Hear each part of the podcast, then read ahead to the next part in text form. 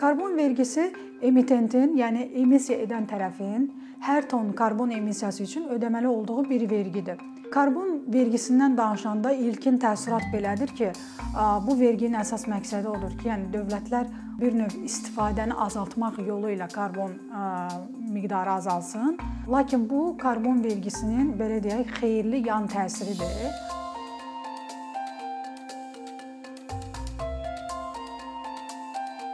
İqlim dəyişikliyi son zamanlar dünyanın ən çox müzakirə olunan qlobal problemlərindən biridir. Beynəlxalq arenada dövlətlər, təşkilatlar, korporativlər səviyyəsində bu məsələ çox geniş müzakirə olunur. Və biz hal-hazırda irili xırdalı istənilən şirkətin veb saytına daxil olsaq, onların dayanıqlılıq gündəliyi ilə tanış ola bilərik, hansı ki, burada onların iqlim dəyişikliyi ilə bağlı əsas mübarizə planları yer alır. Əlbəttə bu məsələnin belə geniş müzakirə olunmağı nə qədər yaxşı olsa da, təəssüf ki, heç də həmişə bu müzakirələr həll ətrafında olmur.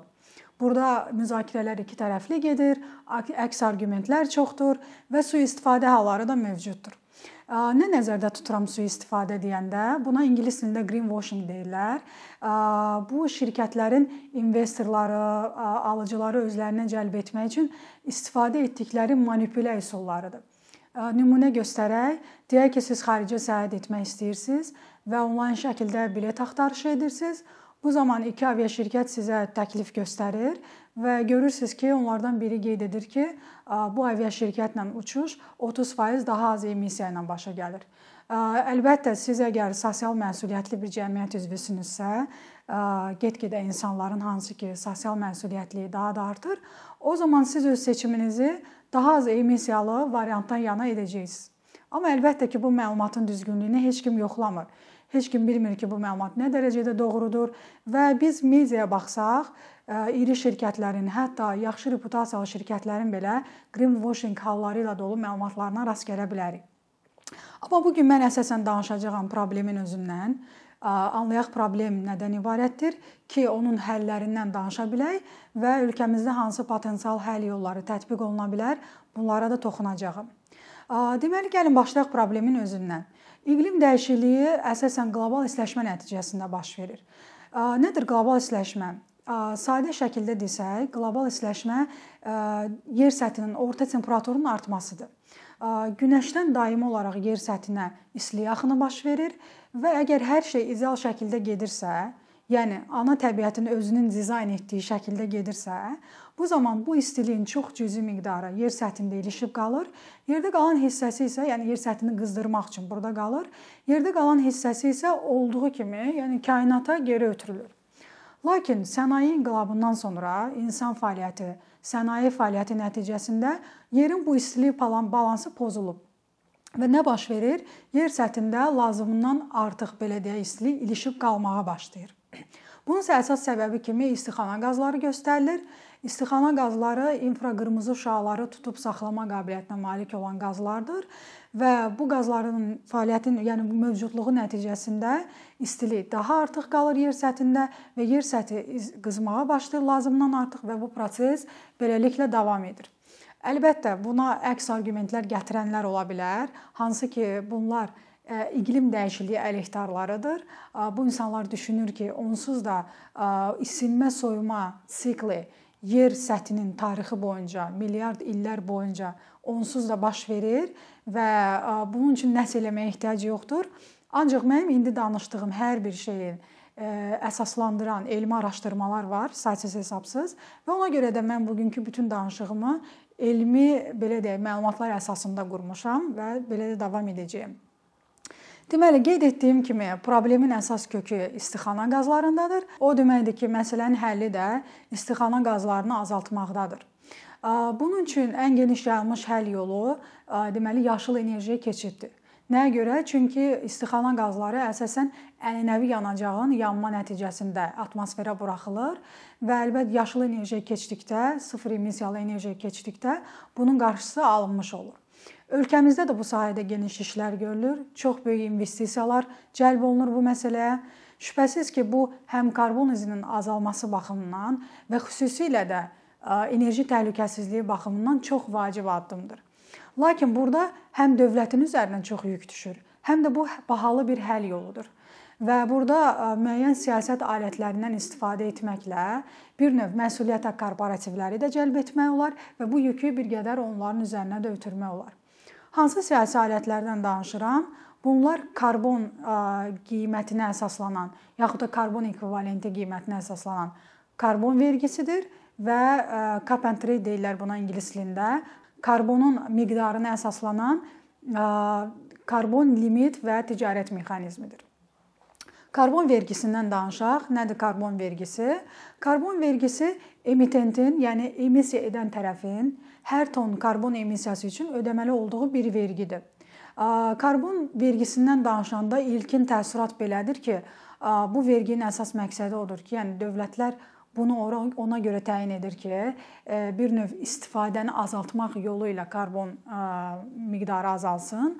Lakin ona görə ki, məsələn, karbon vergisi bir növ emitentdən ta istehlakçıya qədər ötürüləcək və nəticədə qiymət artdığı üçün istehlakçı istifadəni azaldacaq və yaxud da tamamilə imtina edəcək. Lakin bu karbon vergisinin belə deyək, xeyirli yan təsiridir. Karbon vergisinin əsas məqsədi emitentə dəymiş ziyanı ödətməkdir. Və karbon vergisi mümkün qədər proseslərin upstreaminə təyin olunur Nə deməkdir upstream? Yəni proseslərin başlanğıcına qoyulur.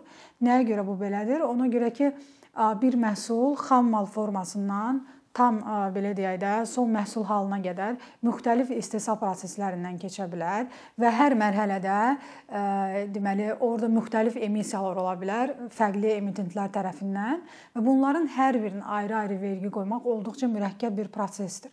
Ona görə də bunu mümkün qədər proseslərin upstreaminə qoyanda Bu iqtisadi proses onsuz da elə qurulur ki, o özü özünü tənzimləyir və bu qiymət aşağıdakı bütün iştirakçılara ötürülür ta istehlakçıya qədər. Karbon vergisi e, nə qədər effektiv və həmçinin e, belə deyək, aşağı xərcli, nisbətən aşağı xərcli həll yolu olsa da, onun özünün də çatışmazlıqları var.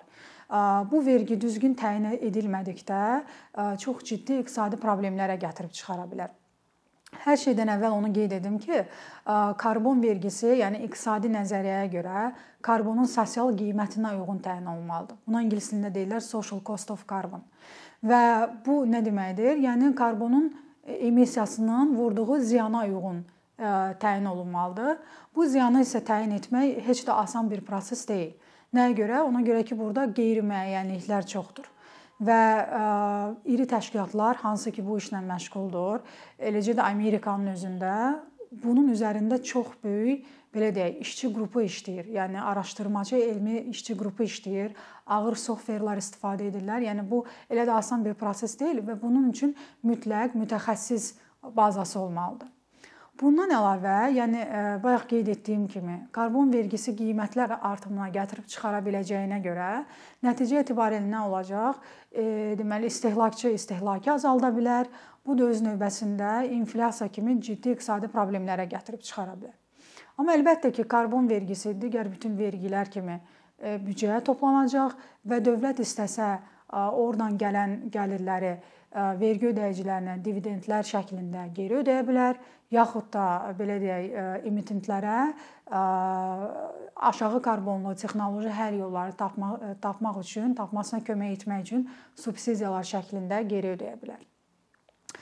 Karbon vergisi ölkəmiz üçün çox labiddir. Nəyə görə? Ona görə ki, deməli ölkəmizdə ixrac olunan malların əsas ixrac bazarı Avropa İttifaqı ölkələridir və Avropa İttifaqının qəbul etdiyi CBAM, yəni karbon intensiv məhsulların Avropa İttifaqı ölkələrinə ixracı tarifinə əsasən artıq 2026-cı ildən başlayaraq ixracçı tərəflər karbonun qiymətini ödəməli olacaqlar. Və ona görə də bu ixrac potensialına təsiri minimuma endirmək üçün, neqativ təsirlərin qarşısını almaq üçün ölkəmizdə karbonun qiyməti nə qədər tez təyin olunsa və bu mexanizm nə qədər tez formalaşsa, bir o qədər daha yaxşı olar. Digər qeyd etdiyim, deməli, siyasət aləti bu cap and trade, yəni karbon limit və ticarət mexanizmidir. Bu necə işləyir? Deməli, limit hissəsində dövlət sənayeyə, emitentlərə emissiya üçün bir limit təyin edir və bu limitin altında hissələrlə ayrılmış müəyyən icazələr ya deyək satır, yaxud da auksionlar şəklində bunu deməli təqdim edir. Və ticarət hissəsində nə baş verir? Burada artıq deməli aşağı xərcli az karbonlu həll yolları tapmış şirkətlər əllərində olan icazələri digər şirkətlərə deməli sata bilirlər. Və burada artıq bazar formalaşır, karbonun bir qiyməti formalaşır və bu şirkətlər öz aralarında mübadilə aparırlar.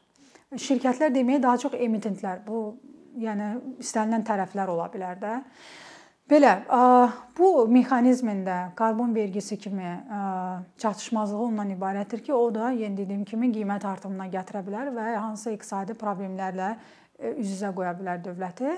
Və bunun üçün də çox vacibdir, deməli, beynəlxalq təcrübələrdən öyrənmək və bunu bunun üçün də çox uzağa getməyə ehtiyac yoxdur. Elə postsovet ölkələrindən Qazaxıstan bu yaxınlarda karbon limit və ticarət mexanizminə keçid edib.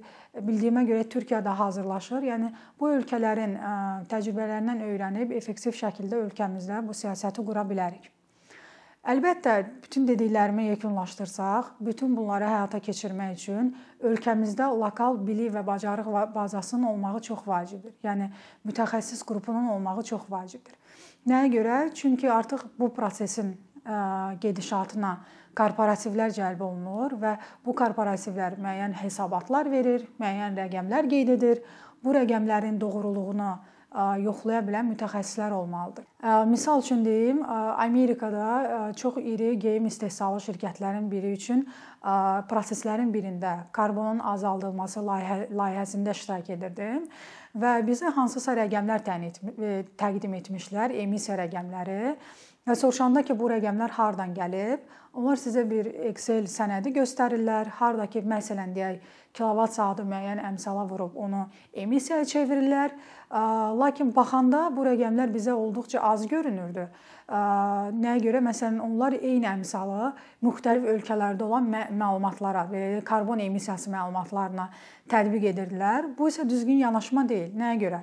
Çünki məsələn, hətta Hindistanın özündə bir-birindən 200 kilometr aralı olan iki ərazidən çıxarılan kömürün təmizlik dərəcəsi eyni deyil və orada istifadə olunan, tətbiq olunan prosesin özünün səmərliliyi fərqlidir və ona görə də burada müxtəlif əmsallar tətbiq olunmalıdır.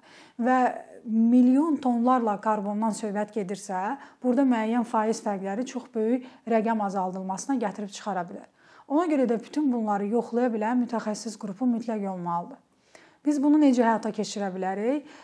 Deməli, əlbəttə ki, məsələn, hansı mühəndislərin hazırlanması üçün ölkədə müəyyən lokal infrastruktur olmalıdır. Hansı ki, bu ölkəmizdə yeni-yeni formalaşmaqdadır. Amma mübadilə proqramları həyata keçirilə bilər. İstər professorlar bura gələ bilər, yaxud da deyək tələbələr göndərilə bilər xaricdə təhsil almağa. Yəni daha çox tələbənin bu sahəyə marağını artırmaq üçün müəyyən həvəsləndirici proqramlar tətbiq etmək olar. Bye.